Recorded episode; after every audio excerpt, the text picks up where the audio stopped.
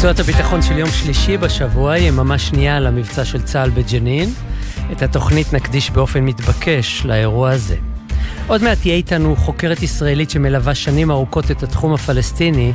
ננסה לברר איתה איפה טעינו, איך במקום להרחיק את ג'נין מעזה, הפכנו אותן לערים תאומות. יהיה כאן גם פלסטיני, איש הפתח, שיגיד לנו ש... אז מה אם טעינו? עדיין אפשר לתקן. אבל קודם תעזרו לנו, הפלסטינים, להיפטר מהזקן.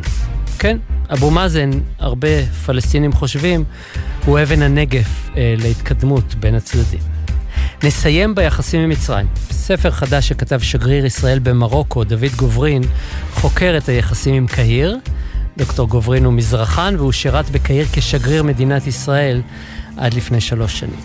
אתם על רצועת הביטחון בגלי צה"ל, 7.32 עכשיו, אנחנו מתחילים.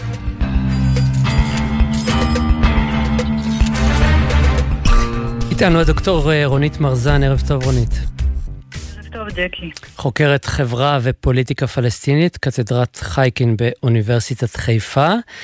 העובדות אה, מסופרות על ידי הכתבים הצבאיים, אה, רונית, תודות לשירותם הטוב של דובר השב"כ ודובר צה"ל, ואין ספק שיש בו הישג צבאי אה, בפני עצמו. נמצאו מטעני חבלה, כנויות, בכמויות גדולות אפילו, האויב הוכרע בתוך ביתו, יש תג מחיר, אבל אה, נסתכל רגע מעבר לאופק, מה לדעתך יקרה ביום שאחרי, או גם בחודשים שאחרי? לא יקרה דבר עם המבצע הצבאי, עם ההישגים החשובים שלו, בהחלט הישגים חשובים, והמאבק הבלתי מתפשר בתשתיות הטרור של הג'יהאד האיסלאמי, של חמאס, של שוהדא אל-אקצא של הפת"ח בצפון השומרון, חייבות היו להיות מטופלות. על זה אין ויכוח בכלל.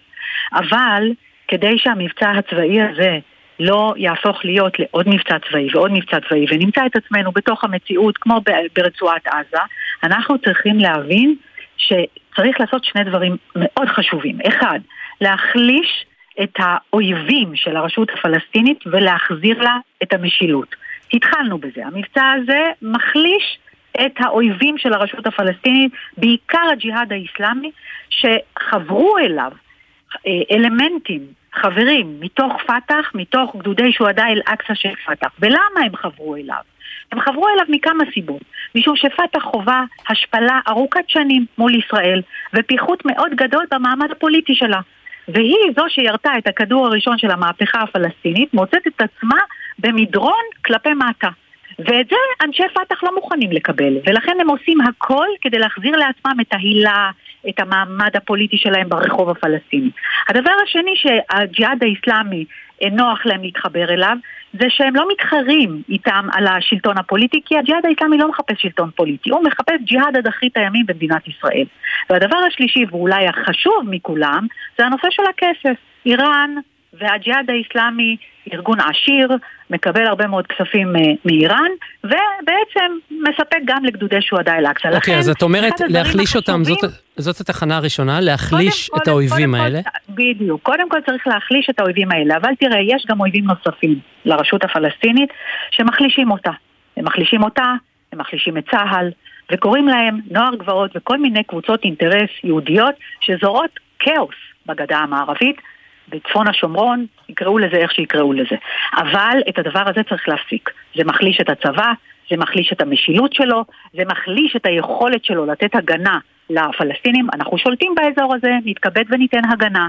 ולכן צריך לפעול לחיזוק הרשות הפלסטינית, ויש הרבה מאוד אמצעים שאפשר לעשות את זה. למשל? כל, כמו שאמרתי, כל הנושא של נוער גבעות, לטפל בנוער, זה נוער שוליים.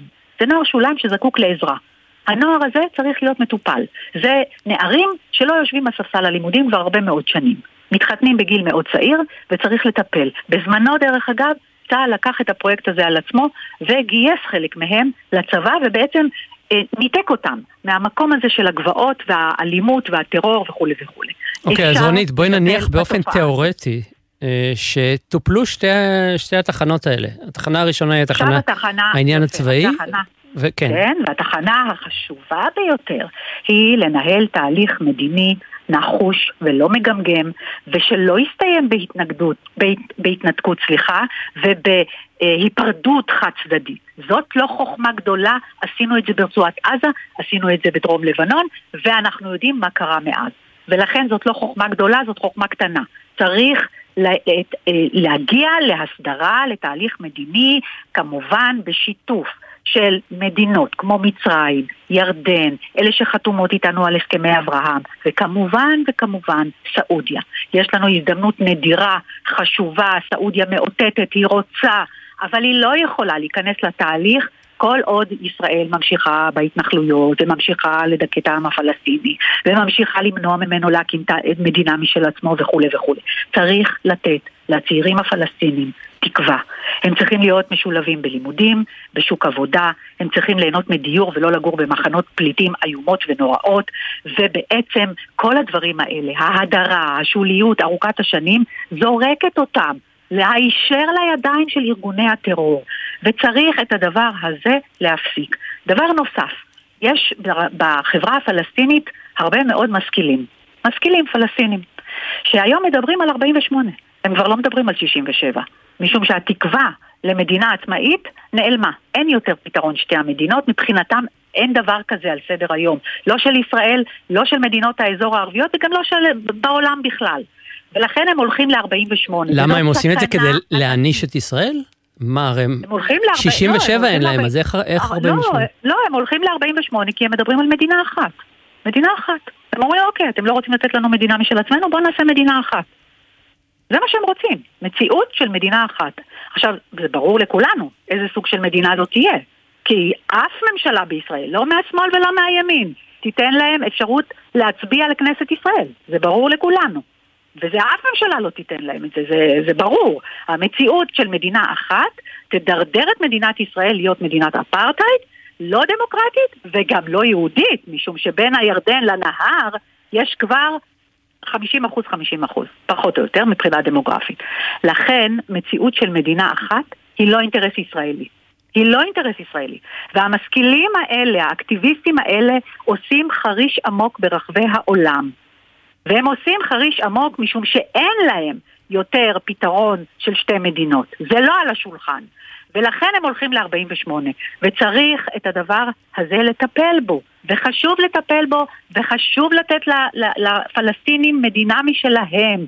כי אם לא תהיה להם מדינה משלהם, תהיה פה מדינה אחת, אנחנו והם נדמם למוות עד אחרית הימים. אוקיי, okay, רונית, אני רוצה ולכן... בכל זאת להחזיר אותך לכאן ועכשיו. איפה חמאס בכל הסיפור? היום? תראה, חמאס זה סיפור מאוד מעניין, ואני מקפידה לעשות הבחנה בין חמאס עזה לבין חמאס אה, חו"ל. ושמעתי השבוע את השר לשעבר ליברמן, שאומר הכל יוצא מחמאס עזה. הוא טועה, הוא טועה. חמאס עזה בעצם זה יחיא סנואר. חמאס עזה של יחיא סנואר לא רוצה סבבים צבאיים. לא רוצה שהתשתיות הצבאיות יהיו בסכנה. לא רוצה שיסכן את הכניסה של הפועלים הפלסטינים מעזה לישראל, שמכניס הרבה מאוד כסף לקופה של חמאס. היא לא רוצה הרס של תשתיות אזרחיות, היא לא רוצה למצוא את עצמה בעוד ועוד סבב צבאי, היא הבינה את הפרינציפ. אבל חמאס חו"ל, וזה ראש הנחש, אלה שיושבים על אדמת קטאר, וקטאר היא בראש ובראשונה המדינה שמתדלקת את כל האירועים האלה. וסאלח אל-ערורי, שהוא הסגן של אסמאעיל הנייה שיושב על אדמת קטאר, אסמאעיל הנייה, והוא יושב בלבנון, סאלח אל-ערורי, אלה למעשה המתדלקים העיקריים. ועם אלה צריך לבוא חשבון, בדרך כזו או אחרת. ולכן צריך לעשות הבחנה. וזה מאוד חשובה ההבחנה הזאת, משום שברגע שאנחנו שמים את חמאס בסל אחד, חמאס עזה וחמאס חו"ל, אנחנו שומטים את הפרטנר שיכול להיות ברצועת עזה. ויש שם כרגע פרטנר. וחשוב לתת לו הישגים מדיניים לפרטנר הזה. ולהחליש את מי שצריך להחליש. והוא יושב על אדמת קטאר. והיא המתדלקת הראשית של האירוע. אוקיי, okay, רונית, אני אשאל אותך לסיום, וזמננו קצר, אם אפשר, אה, אה, ב- לא באריכות, מדברים הרבה מאוד על התפקיד של הרשתות החברתיות באירועים כמו המבצע בג'נין כרגע. מה התפקיד העיקרי שלהם? הן מזיקות או תורמות? תראה, הרשתות, תראה, הרשתות החברתיות, אני, אני, אה, אני אהיה זהירה, אני חוקרת רשתות חברתיות, אני הרבה מאוד נמצאת ברשתות החברתיות שלהם. הרשתות החברתיות אה, כבודם במקומו מונח, הן חשובות, אבל הן לא האש, הן לא חומרי הבעירה, הן לא אלה שמתדלקות את הסיפור, הן הרוח שנושאת את כל הרגשות, את הכעס, הפלטפורמה. את הבושה, את ה... בדיוק. זה הרוח שנושאת את האש. אבל האש נמצאת במקומות אחרים, בחומרי בעירה ארוכי, ש... ארוכ... במשך שנים ארוכות, עם הרבה מאוד, uh, כל הנושא של, uh, ואני אומר את ה... אני חושבת שזו מילת המפתח, ההשפלה. ההשפלה, הרצון לזקוף ראש, להשיב לעצמם את הכבוד האישי ואת הכבוד הלאומי. הדבר הזה, אם לא נבין אותו, אז, אז אנחנו, אז אנה אנו באים? ולכן כל מבצע צבאי, והוא חשוב המבצע הצבאי הזה, אני חוזרת ואומרת, הוא חשוב מאוד המבצע הצבאי, משום ששם מתחת לאפינו ומתחת לאפה של הרשות הפלסטינית צמחה שם תשתית אה, טרור לא פשוטה. לא פשוטה, ראינו מה מצאנו שם. וזה היה, והזנחנו את הסיפור הזה הרבה מאוד שנים. נכנסנו, יצאנו, כן. עשינו פה, פה, פה פעולה, שם פעולה. זה לא היה מספיק. אבל כדי לייבש את הטרור, אני לא אגיד לחסל אותו, אבל במידה רבה מאוד לייבש אותו, אתה צריך לתת תקווה לעם הפלסטיני, לצעירים הפלסטינים, שהם לא ייפלו כפרי בשל בידי ארגוני הטרור. רובם רוצים ללמוד, לעבוד, לנסוע לחו"ל, להקים משפחה, להשתתף פוליטית. והם לא צריכים להישאר דור בהמתנה. את מוזמנת אה, להקשיב לשיחה הבאה שלנו, ייתכן שתמצאי בעניין. אפילו עניין רב. תודה רבה לך. בבקשה.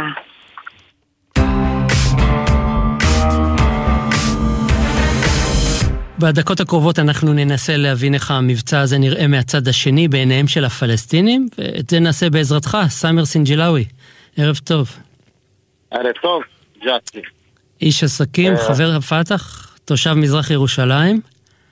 הפעולה הזאת של צה"ל אה, תיתן שקט עכשיו לג'נין? הפעולה הזאת תיתן יותר אה, חימום לכל הגדה. תתפוצץ הגדה, לא תרגע את הג'נין. יותר חימום? כן, תתפוצץ כל הגדה. אני אתמול והיום הרגשתי כאילו אנחנו באחד מהימים האינתיפאדה השני. עשרות, מאות צעירים פלסטינים יוצאים בכל כביש ורחוב בעריות הפלסטינית בגדה. אה, זורקים אבנים על, על הצבא הישראלי, זורקים אבנים על, על כל המטרות הישראליות מסביב, התנחלויות והכל. אני לא ראיתי דבר כזה. אז זה אף פעם לא נותן הוצאות לרגע את ג'נין, זה מביא את מתח בכל פינה בגדה המערבית ובכל מקום. רגע, אבל סאמר, כולנו רואים... אנחנו רואים שצה"ל נותן מכה מאוד מאוד חזקה אה, ופוגע במאגרים של חומרי נפץ וגם אה, יוצר אה, רושם מאוד מאוד קשה אצל החמושים בג'נין. אתה אומר שזה ייתן את התגובה ההפוכה? זה דורש הסבר.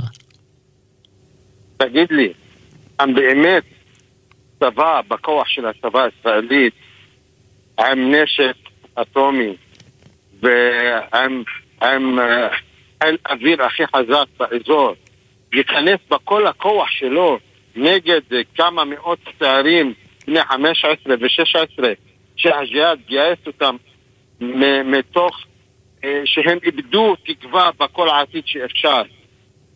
אה, זה הגיוני. הכוח החזק הגדול שמשתמשים עכשיו בצבא הישראלי נגד תושבים, אזרחים, הם, הם, הם לא צבא. אתה מבין שלישראל לא, הייתה, לא היו הרבה ברירות. תאר לך שישראלים שגרים באזור הגלבוע קיבלו צרורות ירי לכיוון הבתים שלהם. מה היית עושה במצב כזה במקום, במקום ישראל? צריך פתרון פוליטי, צריך לחפש שותפים בצד הפלסטיני, צריך להועיף עבאס מיידי. לא צריך לחכות שימשיך יום אחד עבאס. עבאס זה הבעיה. עבאס הוא איש של סטטיקו, שלא רוצה לזוז לא בכיוון מלחמה ולא בכיוון שלום. והוא לא אכפת לו אם כל יום יהרגו עשרות פלסטינים. אני חושב שהוא נאשם יותר מהרמטכ"ל אה, של צבאת ישראל. הוא אחראי על כל החיים שאנחנו מאבדים, על הצעירים האלה הקטנים שנהרגים ברחובות, בתוך ג'נין ובכל מקום. אין לו שום אחריות. למה? מה, איך הוא יכול לעשות וגם, אחרת? מה הוא יכול לעשות אחרת? וגם, וגם מנהיגות הג'יהאד, הם לא מתביישים שהם מגייסים צעירים בגיל 15 ו-16 להילחם נגד הצבא הכי חזקה, החזק באזור. אנחנו צריכים ללכת לכיוון לא אלימות, ואנחנו צריכים להחליף מנהיגות, וגם אתם צריכים לפתוח כל הדלתות לכיוון מדיני פוליטי. אין פתרון צבאי לסכסוך הפלסטיני הישראלי. אין פתרון okay, צבאי. אוקיי, סאמר, אני רוצה שתסביר לי איזו נקודה שאתה נוגע בה, אבל אה, אה, כדאי שנבהיר אותה קצת יותר לישראלים, כי זה באמת אה, אה, משהו מאוד מעניין. החמושים האלה שנלחמים בתוך המחנה, למה הם עושים את זה? תנסה להסביר אחד כזה, אה, בין 19-20, אה, לוקח נשק, הם הרי אפילו לא יודעים לירות, נכון? מצטרפים לאיזו חבורה, מתחילים לירות על חיילים ומסכנים את החיים שלהם, מה עובר להם בראש? תראה, אלה צעירים, במחנה פליטים ג'נין יש בערך 11 אלף תושבים. 72 אחוז מתחת גיל 30. כמעט נולדו כולם באוסלו, ואולי 60 אחוז נולדו אחרי האינתיפאדה השני. האבטלה, אחוז האבטלה זה בערך 50 אחוז בקבוצה הזאת, והם הם גודלים, אין להם חינוך, אין להם אפשרות לחיים טובים, לא מתחברים, לא עם הכלכלה הישראלית, ובאמת לא מתחברים עם הרשות הפלסטינית, שהרשות הפלסטינית עזבה את ג'נין מזמן, אין להם אמון, הם איבדו כל תקווה, כל תקווה בעתיד. ופתאום בא הג'יהאד עם אה, כספים איראנים, מגייס אותם, נותן להם נשק, נותן להם אלף שקל ב, אה, ב, בחודש. זה מה שהם יכולים לעשות עכשיו. כלומר, יש פה גם כסף? משלמים להם כסף כדי לעשות את הדברים האלה? בטח, משלמים, יש הרבה כסף. תראה, uh, תמיד הישראלים מנסים לעשות את מדיניות הבידול בין עזה ולגדה. ואני חושב, זה טעות גדול. אנחנו צריכים לעשות מדינת בידול, מדיניות בידול בין הפלסטינים ואיראן. אנחנו צריכים לעשות בידול בין איראן ועזה, בין איראן וג'נין. עכשיו איראן נמצאת חמש דקות מעפולה. ומי אחראי על זה? גם אתם וגם עבאס. לקראת סיום אני רוצה לשאול אותך בבקשה בקצרה, אתה אומר דבר ש... שהוא כמעט דבר והיפוכו, אתה אומר שאין הנהגה ברמאללה ומצד שני אתה קורא לישראל לבוא בפתרון פוליטי. עם מי לבוא בפתרון פוליטי אם אין מי לדבר? אתם צריכים, והמערכת הבינלאומית גם, הם צריכים לבקש מעבאס בחירות. מספיק. אין לו כוח. תראה, יש, יש לנו ביידן בגיל 80, הוא נופל כל פעם שהוא יורד דרגות או, או עולה דרגות. האיש הזה בן 89, הוא כמעט לא יודע איך לדבר. כבר מזמן, כבר מזמן, הטלוויזיה הפלסטינית לא משדרים נאום חי לעבאס שהם לא שולטים עליו, תמיד מקליטים. הוא לא שולט בשום דבר. ומי משאיר אותו? משאיר אותו רק את הצד הישראלי. הם חושבים שהוא עוזר על ה...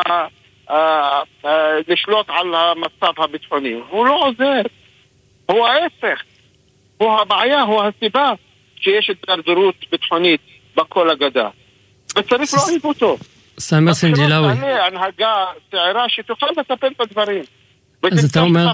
לפתרון מדיני. אתה אומר ביום שאחרי. תודה רבה לך, סמר סינג'לאווי, מזרח ירושלים.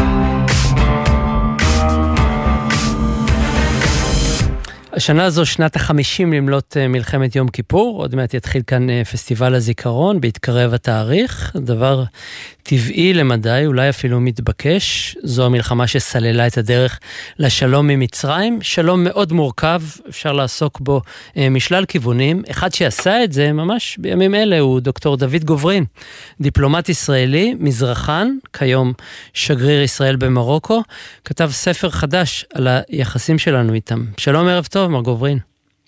שלום, ערב טוב. אה, קודם למינוי שלך במרוקו אתה שירתת פעמיים בקהיר, הפעם השנייה הייתה כשגרירנו שם, וכותרת המשנה לספר שלך הוא היחסים עם ישראל מבעד לעיניים מצריות. אז אני רוצה לשאול אותך כבר על ההתחלה את השאלה המרכזית אולי, מבחינתם של המצרים, אנחנו אויב או ידיד? תשמע, אני חושב שאפשר אה, להסתכל על זה דרך אה, מנעד מאוד מאוד רחב. ישנם כאלה שיראו בישראל כאויב, למשל האיסלאמיסטים וחלק גדול מהנאצריסטים. ישנם כאלה שיראו בישראל כיריב, וישנם כאלה שיראו בישראל כשותף או כבן ברית. השאלה היא כמובן את מי אתה שואל, לפעמים הדברים מתערבבים אחד בשני. החלוקה היא לא תמיד כל כך חדה וברורה. ואני חושב שמה ש, שמייחד את ההסתכלות הכוללת כלפי, כלפי ישראל היא לצערי ורוב רובו של הציבור אה, רואה בישראל אה, אה, גורם, גורם עוין. ההתייחסות היא מאוד מאוד חשדנית כלפינו. תשמע, הספר שלך מאוד מפורט ויש שם שימוש במקורות רבים והוא גם רחב יריעה. ובהמשך לדברים שאתה אומר כרגע, אתה אומר שם הרבה דברים לא, שלא הכי נעימים לאוזן. הם מבוססים על עובדות, אבל אתה אומר שאין תרבות של שלום בין העמים. אה, אתה עומד על הפרדוקס, ככל שיתחזקו היחסים הביטחוניים, שיתוף הפעולה האזרחי יצטמצם, והמסקנה הלא עליזה מהספר שלך היא שישראל תמשיך להיות שם גורם שלילי, כמו שאמרת לך, אמרת לנו כרגע, זה לא ישתנה. אז לאן אנחנו הולכים? יש איזו אופטימיות שאפשר למצוא ביחסים האלה, או שמה שהיה הוא שיהיה? תשמע, אה, בהחלט אחד הדברים שצריך לטפח, אה, ואנחנו כנציגים של מדינת ישראל במצרים, אה, עושים את זה כל הזמן, הוא לנסות ולטפח ככל שאפשר תרבות של שלום. הדבר הזה צריך לעשות כמובן באמצעות חינוך, באמצעות תקשורת, באמצעות דוגמה אישית וכדומה, וכמובן באמצעות יחסים של עם לעם, לאפשר כמה שיותר מפגשים בין ישראלים למצרים וכדומה. מדובר בתהליך ארוך, מדובר, ב, ב, אם תרצה אפילו בדורות. אבל צריך להתחיל, צריך להתחיל בנקודה מסוימת וצריך להשקיע ולהבין שלא אה, אה, מספיק לבוא ולעסוק אך ורק באינטרסים פוליטיים וכלכליים, אלא צריך גם לבוא ולתת את הדעת על היבטים אה, תרבותיים. ופה אני חושב שיש בפנינו עוד, עוד עבודה. ואנחנו בהחלט צריכים להבין שהמציאות הנוכחית היא מציאות ש, שצריך להידרש אליה. ובהחלט לעודד אה, אה, את הקשרים האלה בין עם לעם. תשמע, הרבה ישראלים שואלים למה תיירים מצריים לא מגיעים לכאן. באמת, אה, מתי ראינו תייר מצרי מסתובב, ב... מתהלך בתל אביב, או אפילו בירושלים, והם לא יודעים שפשוט אסור להם. יש איסור על הגעה לישראל מבחינת השלטון המצרי, למעט מקרים חריגים. למה בעצם? השלטון לא אכפת לו מהאזרח? הוא לא רוצה שהוא יכיר את שכניו? תשמע, אה, יש לך כמה סיבות. אה, סיבה אחת היא גם הגורם הכלכלי הכספי. תשמע, לבקר בישראל עבור מצרי ממוצע זה דבר מאוד מאוד אה, קשה. דבר שני, זה כפי שציינת, הוא צריך לקבל את האישור של השלטונות. והמחסומים האלה, שני המחסומים האלה, מביאים לכך שהמספרים באמת יחסית נמוכים. יש לנו תיירות קופטית שמגיעה הנה לעלייה למקומות הקדושים. אה, אבל, אה, אבל אה, לנצרות, אבל בסופו של דבר המפגשים הללו, כפי ציינתי קודם, הם באמת מפגשים שלא לא מספקים. אני חושב שגם מבחינת הישראלים, ישראלים רבים אמנם נוהרים בעיקר בחגים, בראש השנה ובפסח לסיני, אבל פחות ישראלים מבקרים בקהיר ובמצרים. במקומות אחרים במצרים, ו, ואני חושב שזה מאוד חשוב אה, באמת ל, ל, אה, לטובת, אה, לטובת שני העמים לבוא ולהכיר מקרוב אחד את השני. יש משהו מעניין, יש משהו מעניין שאנחנו לא יודעים על מצרים? ישראלים מתקשים להכיר או לא יודעים, או שאתה יכול לספר לנו? אני חושב שצריך להכיר טוב יותר את התרבות המצרית ולהכיר את הגוונים השונים שבה. אה, מדובר בתרבות אה, עשירה, אה, היסטוריה מפוארת, גאווה לאומית מאוד, מאוד גדולה, להיות לאור, לאור השורשים ההיסטוריים שלהם ולאור העבר שלהם.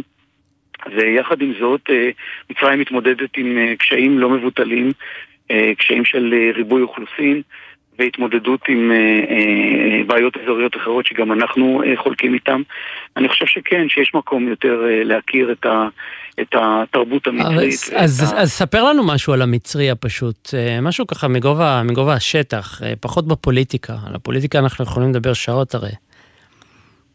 תשמע, אני חושב שמצד אחד יש פה תמונה של איזושהי, תמונה מעורבת. מצד אחד, אה, אה, כפי שציינתי קודם, ההסתכלות כלפי הישראלים היא מאוד, מאוד חשדנית. ישראל נתפסת כ- כנטע זר, כ- כמשהו מאוד מלאכותי פה באזור. אה, אם אתה שואל מצרי שפותח איתך בשיחה, אחת השאלות הראשונות אחרי שהוא שואל אותך מה שמך, הוא ישאל אותך אסלק מינן. כלומר, מאיפה המקור שלך? זאת אומרת, מאיפה אתה, מאיפה ההורים שלך באו, מאיפה אתה באת בעצם. הם רואים בנו בהחלט אה, אה, אה, עד היום, לצערי, במידה רבה איזושהי אישות אה, מלאכותית ונטע זר. יחד עם זאת, אה, יש פה הרבה מאוד אה, אה, הערצה אה, כלפי ישראל לאור היכולות הכלכליות שלה, לאור היכולות הצבאיות שלה, לאור היכולות הטכנולוגיות שלה, כך שיש פה ערבוב של, של אה, דברים אה, שביחד אה, יוצרים איזושהי תפיסה וראייה כלפי, כלפי ישראל.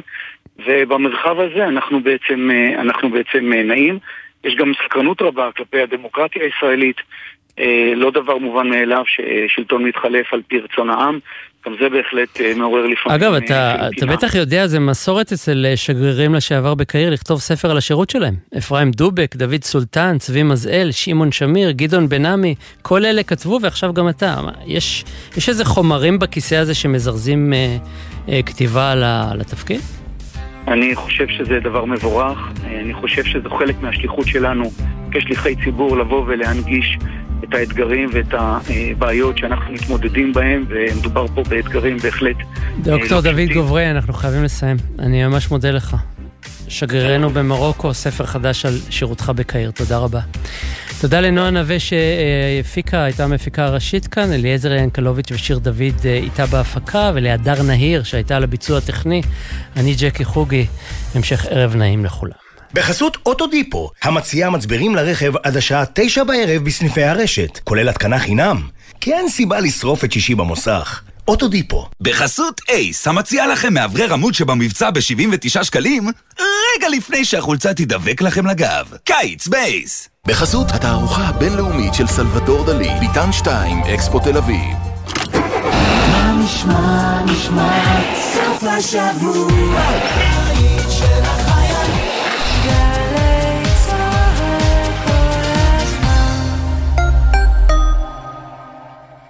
עתודה אקדמית, בחירה של מצוינות. בוגרת כיתה י"א, את חולמת להצטיין? מצוין! מעוניינת לשלב לימודים אקדמיים עם שירות צבאי כקצינה? מצוין! בואי לכנסי המידע המתקיימים במהלך חודשי יוני-יולי באוניברסיטאות ברחבי הארץ וגלי מסלול שיאפשר לך להתקדם לתפקידים מובילים בצה"ל, בתעשייה ובהייטק. לפרטים ולהרשמה חפשי עתודה אקדמית. עתודה אקדמית, בחירה של מצוינות כשהחופש הגדול מגיע, מגיעים איתו מכל עבר קולות ה... כי כשהחופש הגדול מגיע, הם יכולים להגיע מכל מקום, ואתם, הנהגים, חייבים להיות ערניים. בתוך העיר מורידים את הרגל מהגז, נותנים זכות קדימה להולכי הרגל, ולא נותנים לשום ילד להפתיע אתכם. לפעילויות על בטיחות בדרכים לילדים ולכללי בטיחות נוספים לימי הקיץ, בקרו באתר הרלב"ד.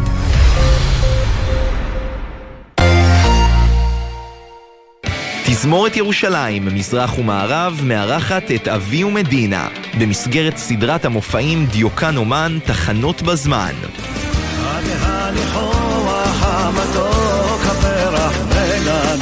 קונצרט מיוחד עם מיטב הלהיטים מכל השנים, בניצוח מתן יונה.